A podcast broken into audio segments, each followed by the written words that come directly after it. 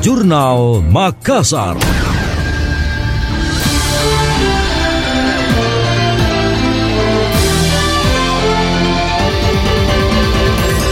Menteri Perhubungan Budi Karya Sumadi mengapresiasi langkah Gubernur Sulawesi Selatan Andi Sudirman Sulaiman dalam menstimulus perekonomian daerah melalui subsidi penerbangan.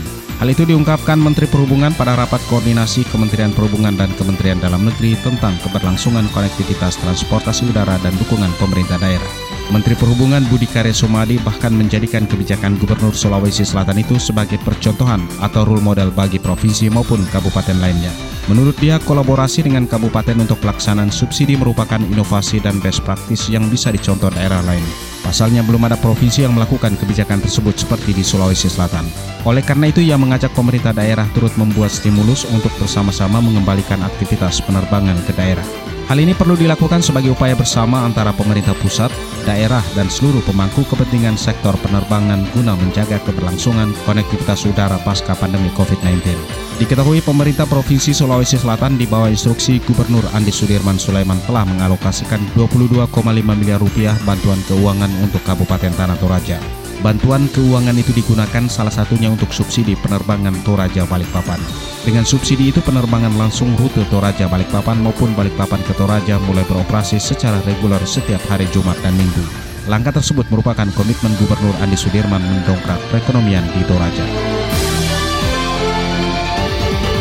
Gubernur Sulawesi Selatan Andi Sudirman Sulaiman melakukan penanaman bibit jeruk keprok Selayar yang ke-100 ribu di Masjid Agung Al-Umar Raini, Kabupaten Kepulauan Selayar.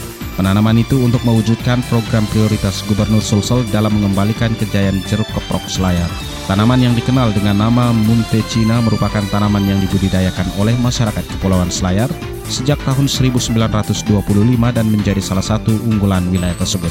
Gubernur Sulawesi Selatan Andi Sudirman Sulaiman mengatakan pengembangan jeruk keprok selayar telah melampaui target luas tanam baru dari 331 hektar menjadi 339 hektar. Sudirman menyebut jeruk selayar sangat identik dengan cita rasa spesifik yaitu manis segar dengan rasa asam di ujungnya. Selain itu, aroma jeruk harum dengan tekstur daging padat dan karakter kulit yang mudah dikupas. Diketahui pada medio tahun 70 hingga 80-an jeruk ini sempat mencapai kejayaan yang ditandai produksi melimpah dan harganya yang kompetitif. Ia pun bertekad menjadikan jeruk keprok selayar sebagai komoditas unggulan Sulawesi Selatan. Salah satunya dengan menggalakkan gerakan tanam satu pohon jeruk untuk satu kakak. Pemerintah Provinsi Sulawesi Selatan melalui Dinas Tanaman Pangan, Hortikultura, dan Perkebunan telah mengalokasikan sejumlah bibit jeruk keprok yang telah disebar pada lima kecamatan yakni Kecamatan Buki 19.270 pohon, Kecamatan Bonto Matene 55.170 pohon, Kecamatan Bonto Manai 22.200 pohon, Kecamatan Bonto Haru 1.500 pohon, dan Kecamatan Bonto Sikuyu 18.415 pohon.